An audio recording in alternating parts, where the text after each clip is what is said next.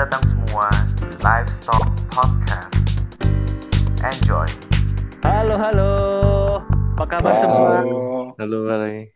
Dit, Dre, ini kita kali ini bertiga ya, uh, dan tentunya kedatangan tamu spesial juga kali ini, yaitu Hmm. Bagus Gede dan Anjaya Giri. Gue Halo. halo, halo. Halo. atau panggil Dunde.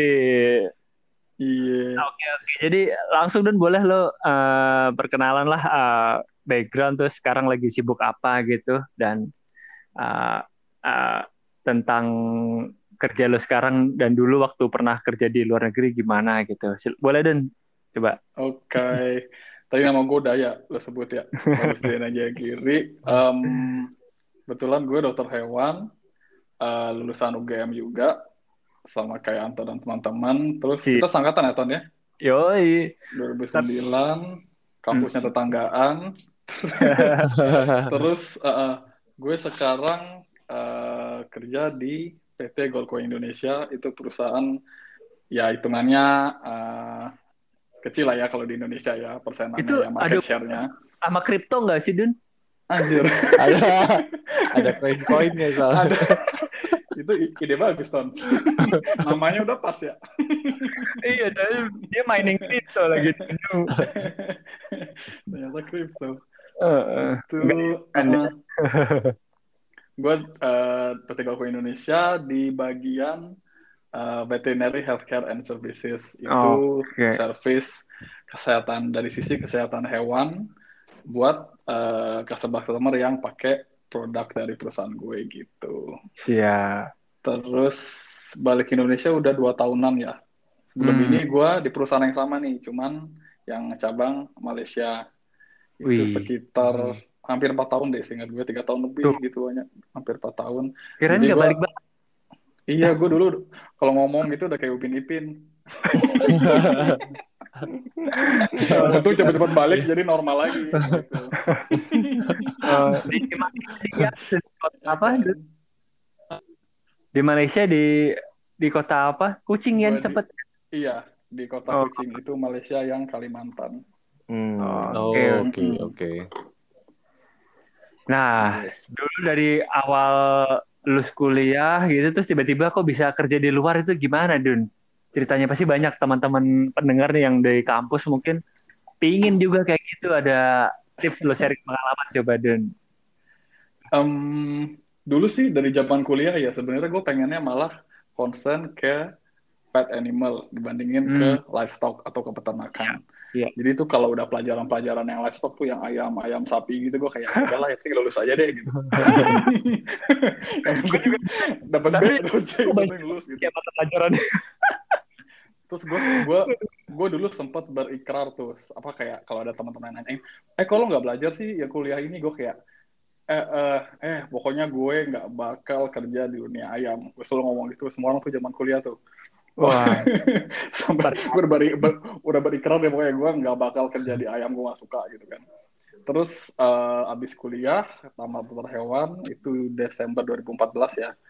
Terus eh, sebelum nyari-nyari kerja ternyata ada kesempatan gue magang ke Belanda itu.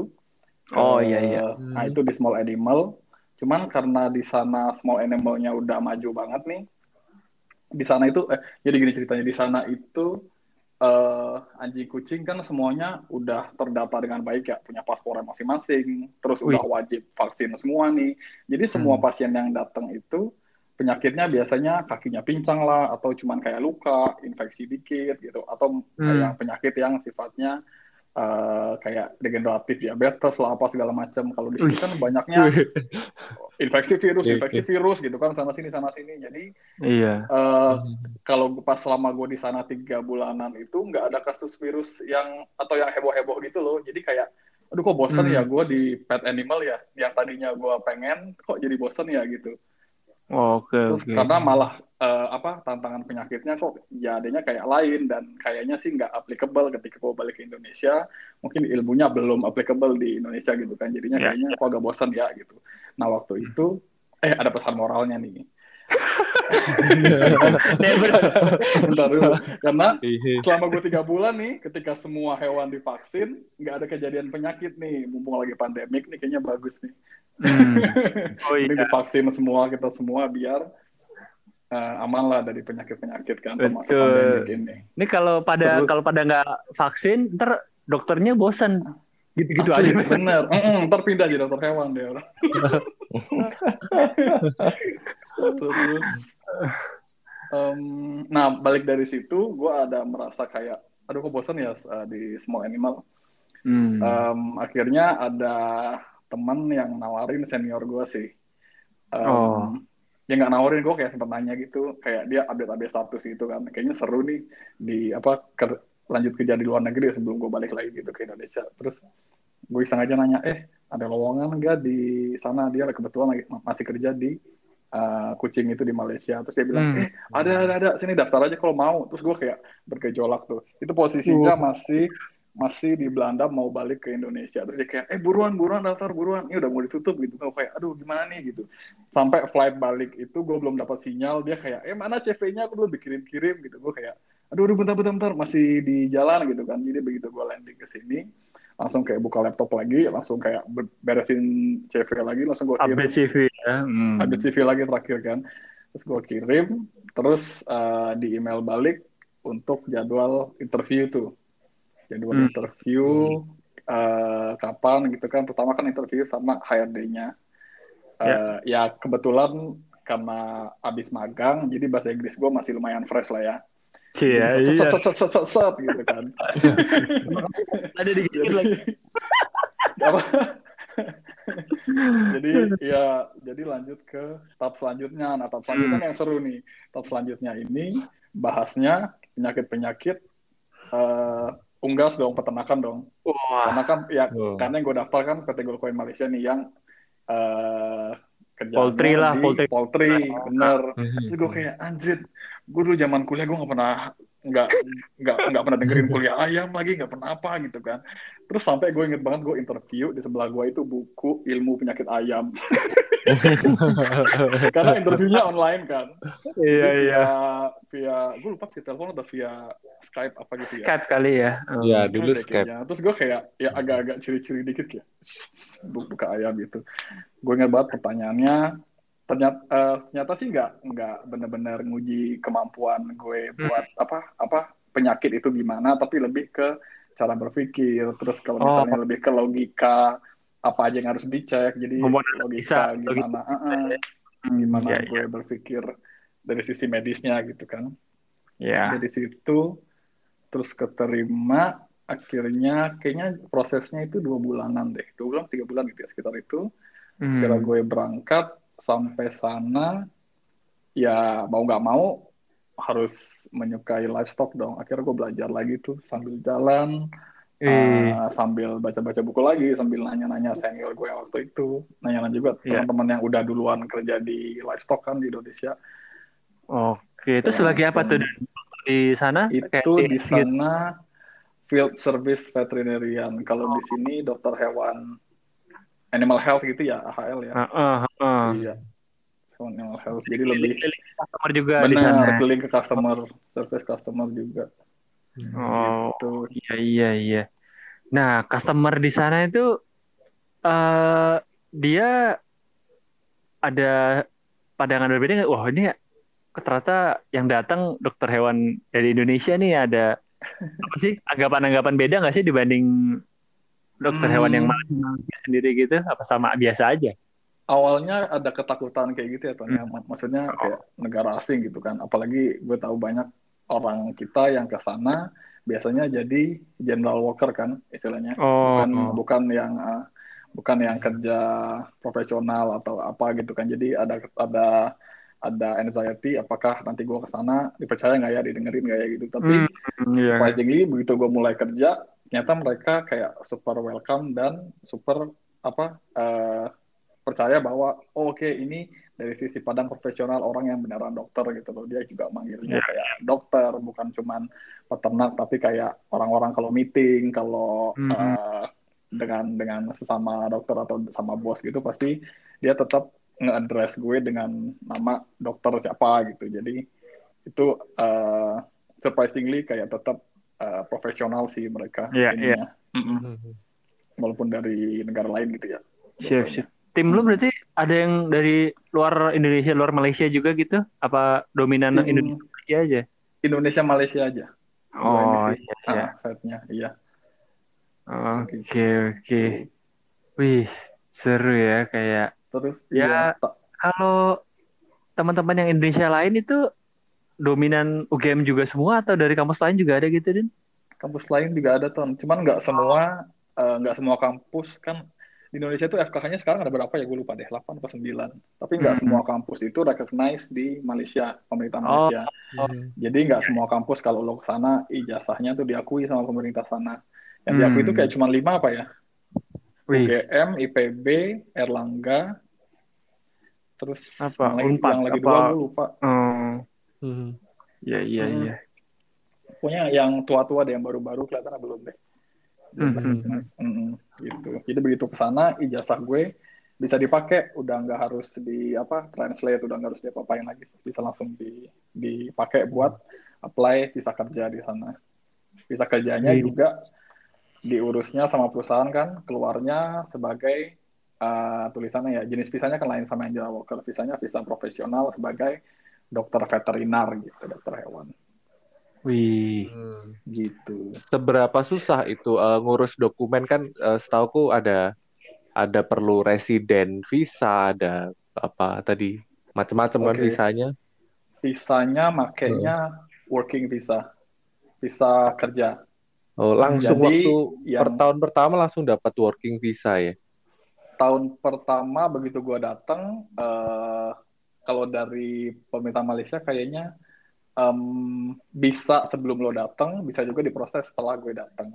Hmm. Nah, gua gua kayaknya yang setelah gua datang, jadi gua datang pakai visa biasa, terus sampai sana ada agen yang ngurus karena requirement-nya itu banyak banget buat ngedatengin tenaga profesional dari luar kan. Kayak Iya. Benar-benar. perusahaan lo surat-suratnya harus bla bla bla lengkap lengkap, terus kayak lo udah harus berusaha nyari tenaga kerja lokal dulu, tapi nggak dapat dapet Oh, gitu kan, baru akhirnya nyari ke luar negeri, ya gitu-gitu deh, agak panjang, jadi ada agennya waktu itu, terus gue deal sama dia semua apa uh, dokumen-dokumen yang dibutuhin gitu dia yang iniin, terus dia yang Hmm. ngajuin ke imigrasi, terus begitu working visanya keluar, mulai deh tuh gue mulai bayar pajak ke pemerintah Malaysia. Jadi bukan, bukan ke pemerintah Iya iya. Indonesia. oh, Benar benar benar. kan kan kerja di sana ya, jadi bayar pajaknya ke sana. banyak penghasilan. Iya. Tapi Hmm. har- hartanya waktu ke Indonesia kan udah udah masuk ke harta yang sudah dipotong pajak kan ya. Di- Sudah dipotong pajak benar. kan. Ada laporan Iya. SPT-nya kan itu udah ada ada keterangannya itu kalau kalau nggak salah nggak perlu dipotong pajak kan. Iya, iya, iya. Hmm. Gitu SPT, Apalagi- iya benar. Pandemi sekarang mungkin lebih menantang dunia kalau mau kerja di luar itu ya kelihatannya. Lebih menantang teman bener. Eh, eh, Karena masih iya, pasti negara-negara eh, luar sana juga mikir kalau mau hire orang luar. So gue kayak Singapura gitu mereka benar-benar ngutamain lokal dulu sih sekarang. Hmm, Nyari tenaga lokal. Mm-mm. iya. Oke. Eh, pertanyaan nih, ada beda nggak eh, antara waktu lo kerja di mungkin pernah punya pengalaman di Indonesia cara Hmm. kerja orang Indonesia seperti ini, terus tapi di Malaysia eh, bedanya gitu ada nggak sih ada nggak sih eh, semacam culture culture shock Culture-nya gitu? ya. Eh, Hmm, kalau culture pasti ada ya, karena dari Hmm. gua datang pun dari bahasa pun udah beda nih. Jadi buat Iya. adaptasi di awal sebelum ke culture nih kan bahasa dulu kan. Begitu gua datang sebulan dua bulan tiga bulan pertama itu gue pikir ah bisa nih bahasa Inggris gitu kan. Ketika gue sampai sana, accent bahasa Inggrisnya Malaysia kan beda banget ya sama bahasa Inggris yang Iya. orang Barat, orang Hmm. bule. Jadi kayak hah ketika mereka ngomong cepat sus, sus, sus, sus, gitu kan. Tapi gue kayak hah ngomong apa orang ini? Terus juga mereka kan biasa ngomong kalau bukan lokal Melayu ngomong Chinese gitu kan. Jadi bahasa Iya. Inggrisnya itu kayak campur-campur kosakata Hmm. Melayu lah, campur ko- ko- kosakata eh, bahasa Cina gitu kan. Iya. kayak, ah ngomong apa orang ini? Jadi ternyata yang gue pikir adaptasi bahasanya bakal sebentar, ternyata lama. Gampang. Oh. Iya. Jadi kayak tiga empat bulan pertama itu gue kayak agak lumayan susah kalau meeting gitu gue kayak agak lambat mencernanya susah ngertinya Hmm. gitu tapi lama-lama Iya. ya Otomatis dapat Oke. eh, belajar bahasa Mandarin juga dan apa beda? ya Apa bukan? bisa lah Ada lah. Cepan Woyao Ce Itian, Itian. Oke, Oh, oke. ini ya gitu aja terus. Heeh. Kalau dari culture sih eh, lumayan beda ya di sini. Kalau gua ngelihatnya di Indonesia, ya pasti kan ya namanya culture nggak bisa disalahin, nggak belum tentu Hmm. juga di sini plus, belum tentu juga di sana minus gitu kan, belum tentu di sana Iya, plus, iya. di sini minus. Kayak misalnya em, hierarki gitu ada, cuman kalau kerja di sana nggak terlalu nggak terlalu ini ya, nggak terlalu ngaruh-ngaruh banget. Jadi gue bisa dengan gampangnya akses ke orang-orang yang di level atas gitu misalnya. Gue kayak Hmm. bisa langsung gitu kerjaan. Kalau mm-mm, jadi kalau misalnya meeting itu biasanya eh, juga lebih cepat, lebih simpel ya aksesnya.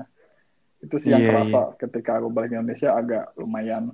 Eh, oh rupanya ini iya benar gue harus ikut eh, apa struktur lagi harus dari sini, gue ke sini, gue ke sini, gue ke sini.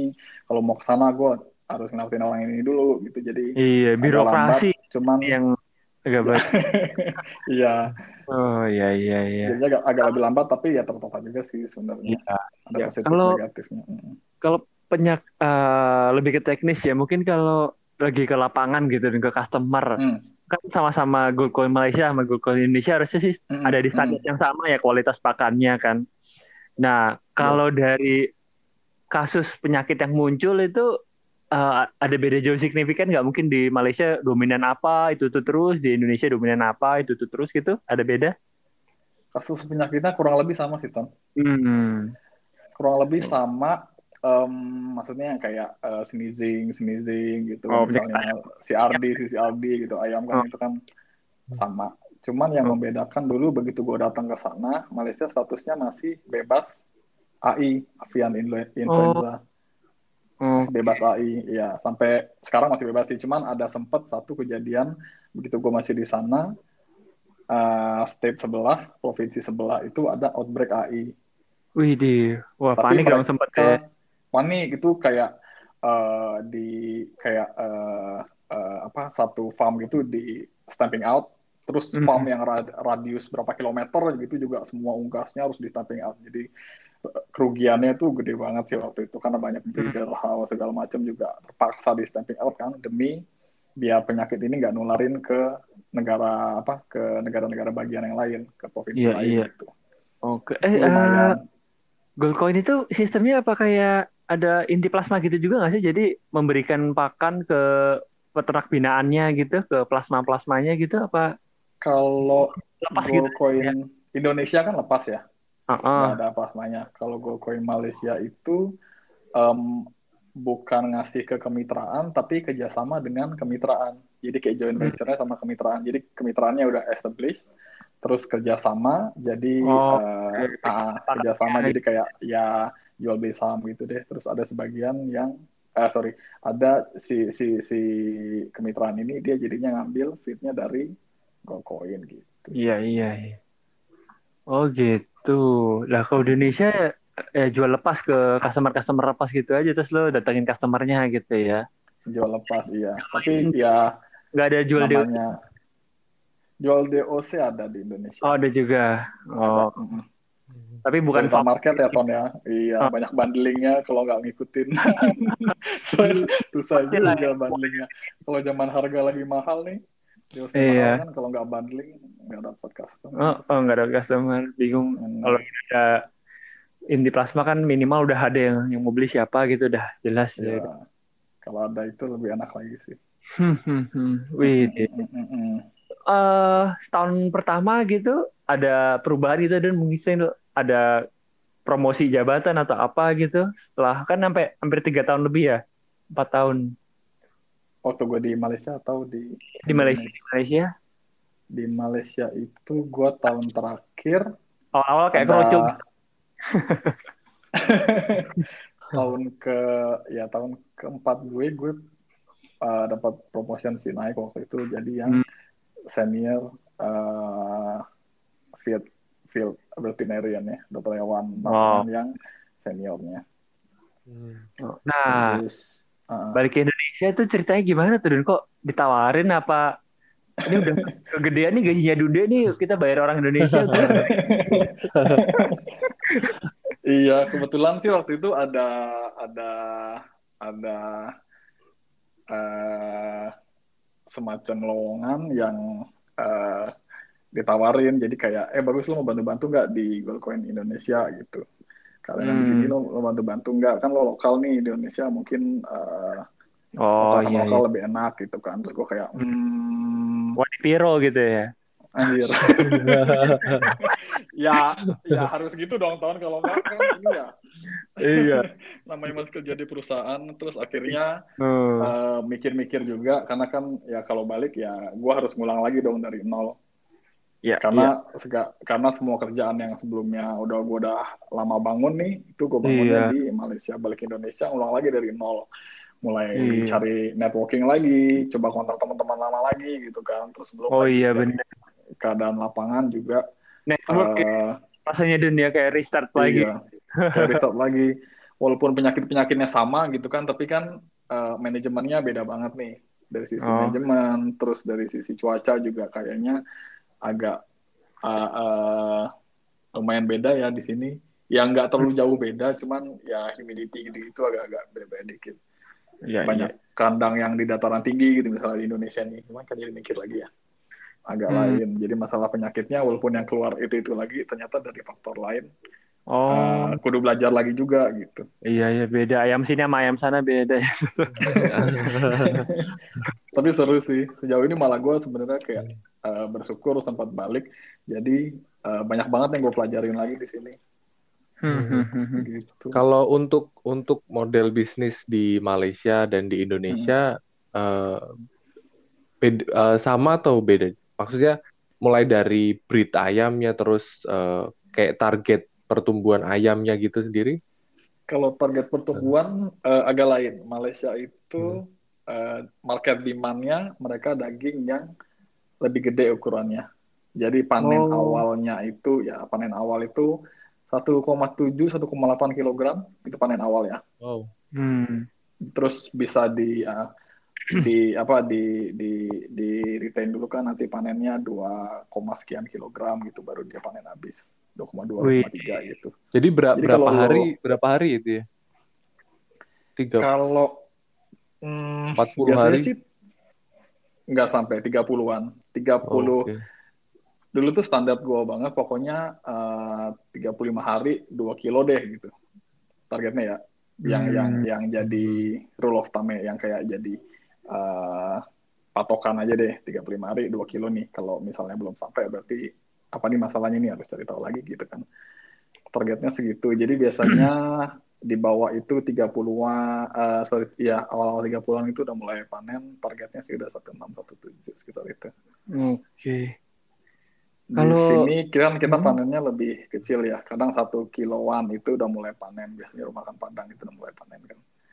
Ayam satu kilo lebih. Iya, iya, Kadang betul, betul. ayam ayam apa?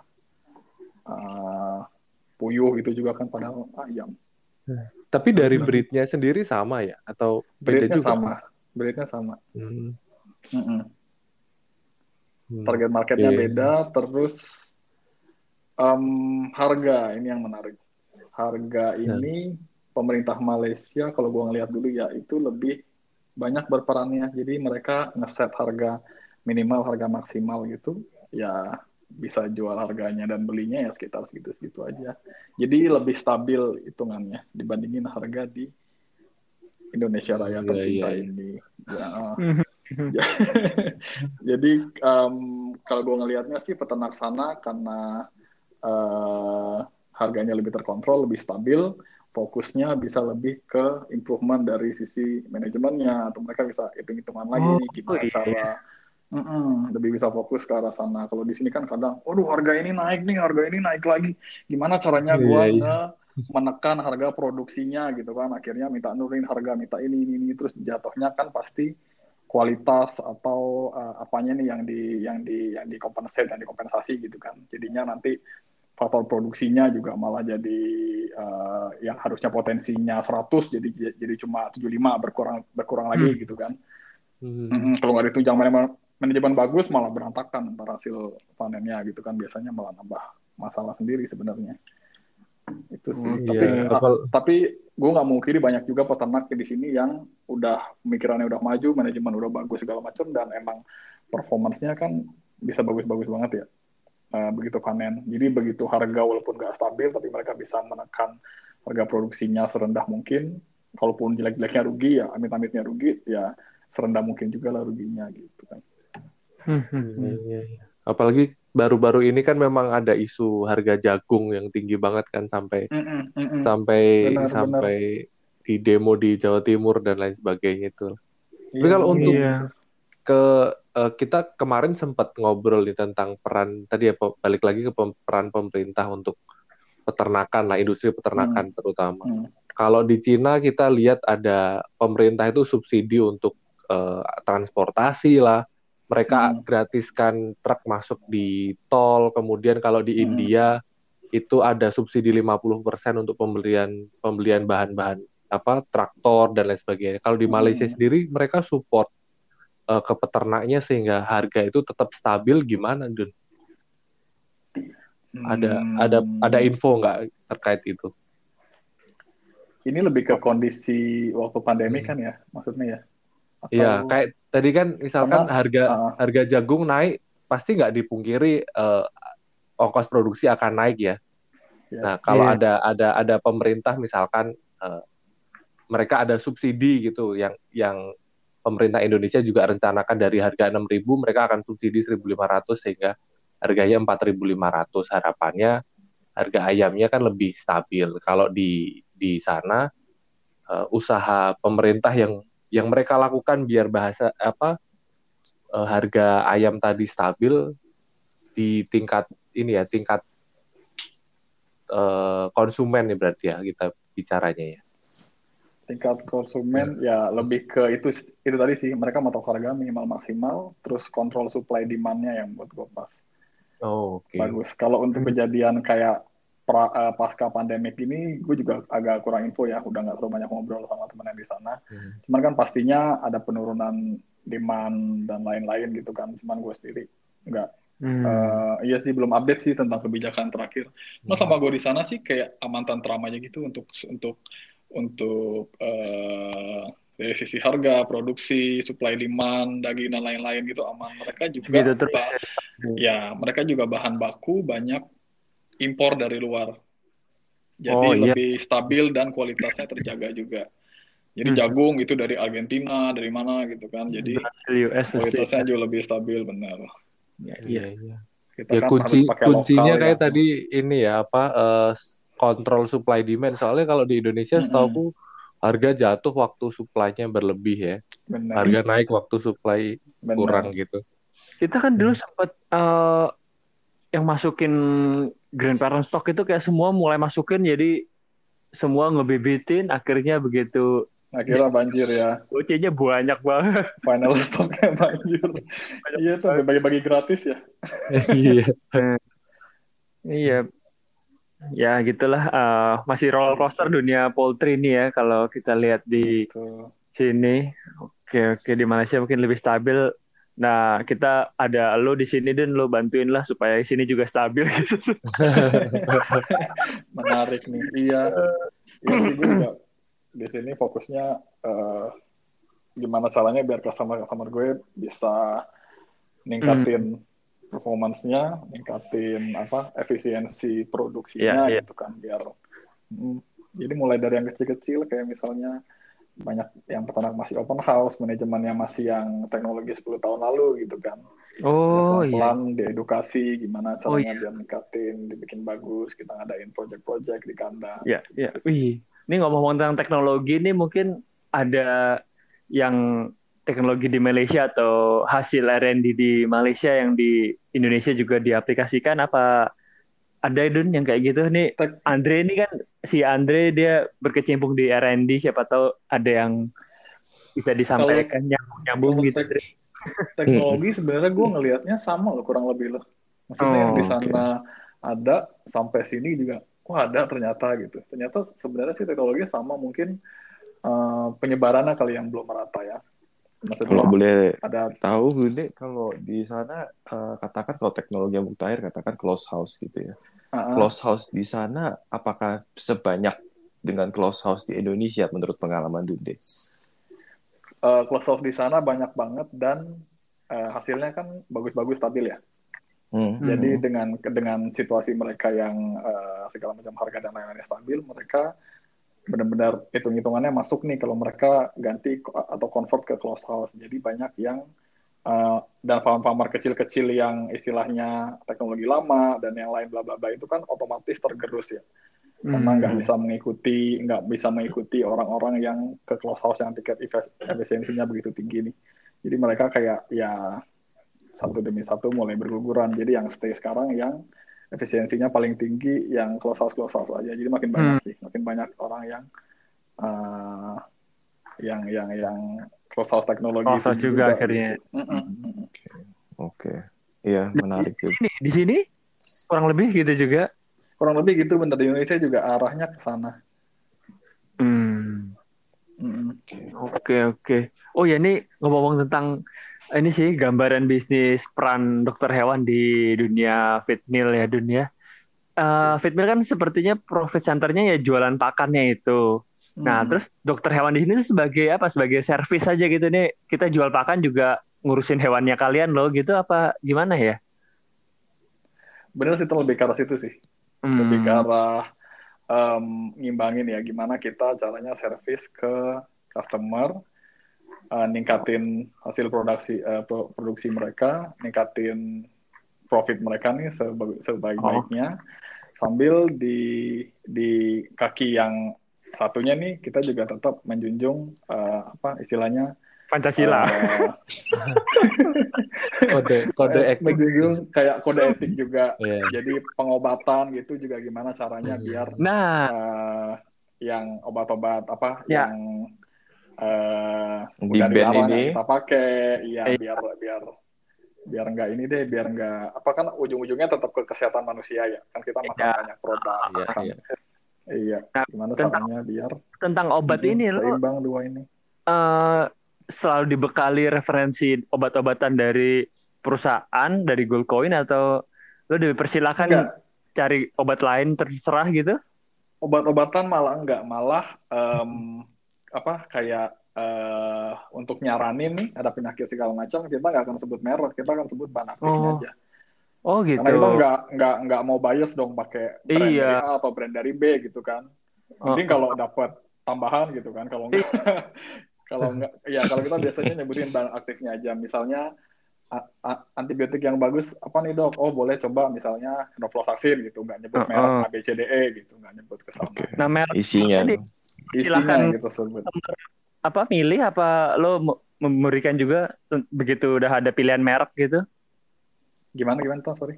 dari bahan aktif misal enrofloxacin gitu ini Uh-uh. eh, terus ke customer kan pasti juga tanya loh ini saya pakai enrofloxacin yang merek apa atau yang yang mana dok Oh, Oke. Lu- Biasanya sih saran gitu Nah, biasanya eh ya baik lagi sih kayak yang paling simpel gimana buat si peternaknya kayak bakal ditanya Oh. lo siapa nih distributor lo, mana coba lihat list obatnya apa aja gitu kan. Terus Oh. ya kita eh, bahan oh ini yang bahan aktifnya ini tuh ini ini. Ya udah lo selanjutnya silakan. Terus sama lihat harga juga.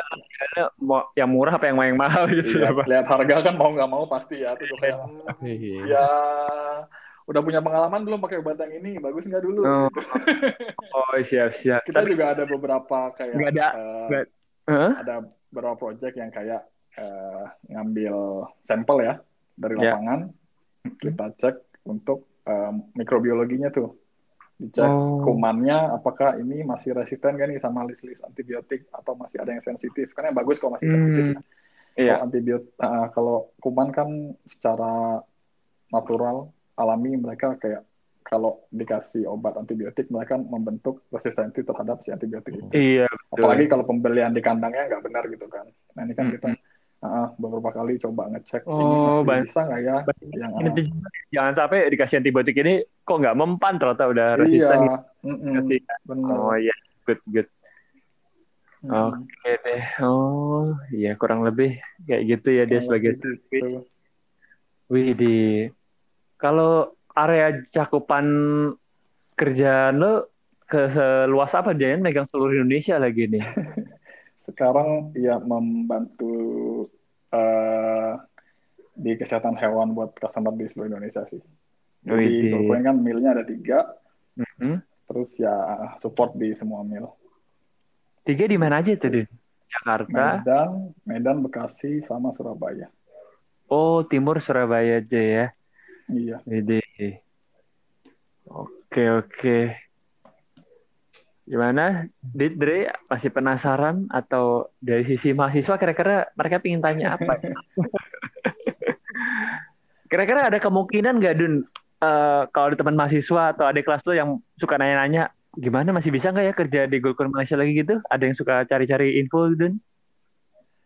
Em, setahu gue sih Malaysia sekarang baru punya dua universitas ya, yang Uh-uh.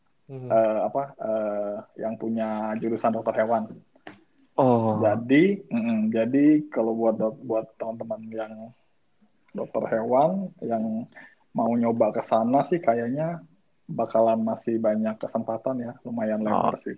Karena demand-nya masih lumayan oke, sedangkan lokal nggak bisa memenuhi kebutuhan buat itu. oh, oh Jadi ya, Pol, sih kalau teman-teman mau nyobain bisa. bisa ya. Kalau pola Hmm. konsumsi ayamnya sendiri Malaysia sama Indonesia mirip-mirip, Dun. Gimana Maksudnya- polanya? orang semua orang ya pasti makan ayam tuh udah hal biasa lah gitu apa Iya. oh mirip lah ya Indonesia Oh, jauh tahun jauh. Indonesia jauh di belakang. oh gitu Malaysia itu, gue lupa deh angkanya berapa kilogram per tahun gitu ya. Tapi Hmm. mereka masuknya salah satu yang eh, tinggi deh. Kayaknya Iya. Indonesia tuh kayaknya setengahnya apa di bawah setengahnya gitu. Per orang per kilogram per tahun ya. Mereka ada coba Iya. hitung-hitungan ke Iya, sana. iya, iya. Malaysia itu salah satu yang tinggi. Makanya kayak eh, per- mereka juga senangnya yang gede-gede tuh. Makanya kan Hmm. tadi tangkap ayamnya mulainya kayak 1,7, 1,8 tuh baru mulai tangkap. 1,6 sih kadang-kadang ya. Satu setengah, 1,6 tuh agak jarang. Itu udah awal banget tuh. Nah makanya kalau misalnya makan ke restoran nih, terus kalau ada misalnya ada saudara atau ada teman itu yang datang ke Malaysia terus datang terus kayak anjir gede banget ayamnya gitu. Ini gue serem banget nih makannya nih tuh, tuh, segede gini kayak bukan ayam. oke. Jadi per kilogram Harganya- per orang per ini Kalau harganya tinggi. jauh beda nggak itu nih? Harga ayam per kilonya. Harga harga ayam per kilo, udah gue lupa deh berapa sekarang. Cuman kalau gue ada pernah ikut eh, kayak seminar update-update gitu kan di Malaysia. Itu Malaysia itu salah satu yang harga produksinya terendah. Makanya dia harganya juga eh, nggak tinggi-tinggi banget gitu buat harga jual ayamnya. Oke ya. Salah satu yang modalnya terendah ya, Iya iya. sepertinya.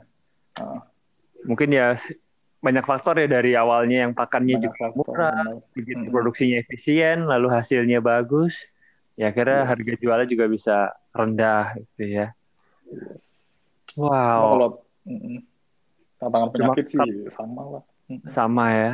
Wih wih. Manajemen juga kalau dari sisi kandang juga ada yang udah maju nih teknologi maju, tapi ternyata ada, ada juga yang masih open house gitu, yang di Hmm. yang di belakang rumahnya dia punya kandang sendiri gitu, masih ada juga. Hmm. Jadi kadang-kadang main tirainya kurang oke, a- ayamnya ngorok semua gitu.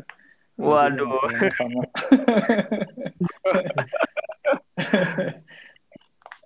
Ada nggak sih Dun ilmu yang baru didapat setelah bekerja gitu sebagai field service uh, animal health vet mill ini? Mungkin ini sebaiknya di kuliah juga diajarin gitu. Ada nggak sih? Ilmu. Aduh, gua kalau kalau di kalau, ditanya ilmu, gue belajar ulang tahun dulu di Malaysia. Oh. kan gue zaman kuliah nggak pernah dengerin kuliah ayam. Makanya gue dulu zaman kuliah, saya gue dulu zaman kuliah selalu berikrar ke teman-teman, eh lo mau daftar ini nggak? Lo, lo daftar perusahaannya gue kayak enggak, gue nggak bakal kerja di dunia ayam gitu. Gue selalu berikrar. Terus akhirnya gue kerja di UGA sampai sekarang, udah kayak enam tahunan, tujuh tahun.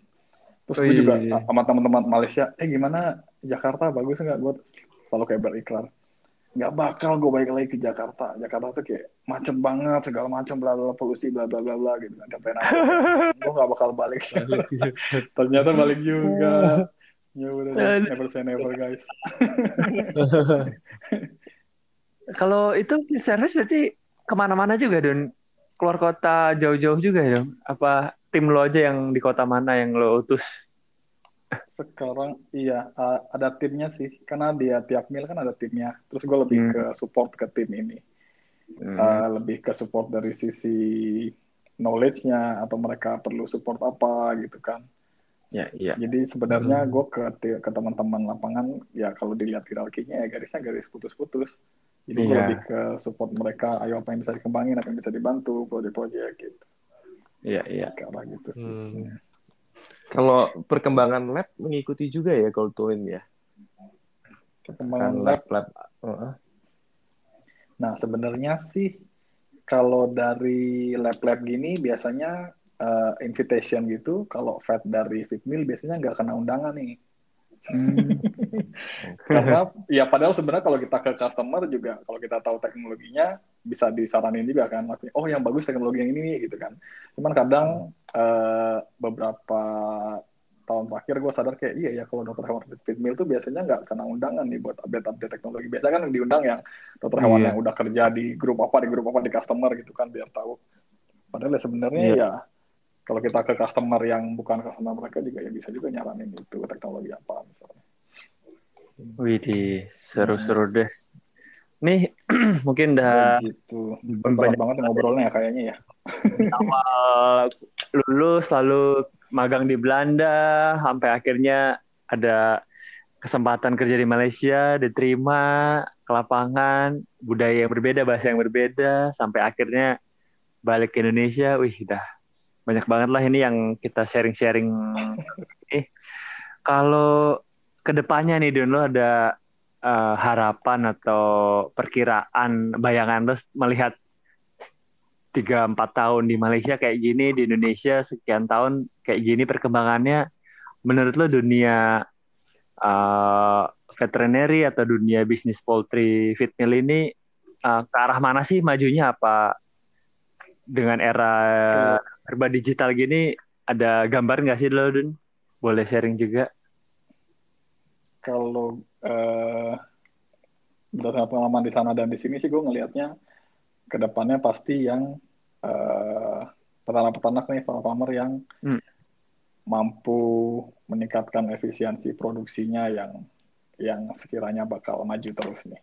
Oh, Jadi kalau oke. mm, kalau yang efisiensinya agak kurang oke nih, misalnya yang kayak masih uh, manajemennya masih teknologi 10 tahun lalu, misalnya kesehatannya kurang diperhatiin, atau uh, apa uh, masih belum terlalu mentingin kesehatan, kualitas bibit dan lain-lain itu agak susah sih. Kayaknya bakal yang yang semuanya oke, yang benar-benar fokus ke sini, semuanya dibagusin, hasilnya teknologi bagus ini yang kelihatannya akan berkembang ke depannya. Hmm. Karena di negara yang lebih maju yang begini sih yang terbukti Hmm. tahan ya dan berkembang. Oke, oke. Gitu. Jadi intinya yang mampu meningkatkan efisiensi produksi lah yang bahkan berkembang bertahan Yes, gitu. yes. Apa pun situasinya, mau harga mau murah mau mahal, ketika efisiensinya tinggi bisa menekan. Kalau dia jeleknya harganya lebih lagi kurang oke ya, paling nggak ruginya bisa ditekan banget deh. Gitu. Hmm, hmm, hmm, hmm. Atau ya punya ya kalau mau oke sih punya line bisnis sendiri kan dari hulu ke hilir. Cuman kan nggak semua Iya. punya itu juga. Hmm, Iya, iya. Oke deh, Gitu. Dit, ada lagi? Iya. Belum kita Hah? tutup. Aduh berat banget obrolannya kayaknya Udah. malam-malam. Iya.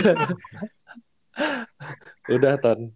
Oke deh, Iya. karena itu Iya. aja nih kita thank you banget Don udah sharing-sharing Thank you. Sama-sama, Ya, thank you, Thank you udah Dun. Indonesia kayak gitu di Indonesia sekarang sudah Semoga Indonesia makin maju lagi ya. Gue Amin. percaya Ya. sih bisa sih. Amin, amin. Gue percaya bisa sih. Ah, ah. oke sampai ketemu lagi mungkin Sip, nanti sampai ketemu lagi. Undang lagi Don Oke. Siap. Thank you ya. bye bye Yeah.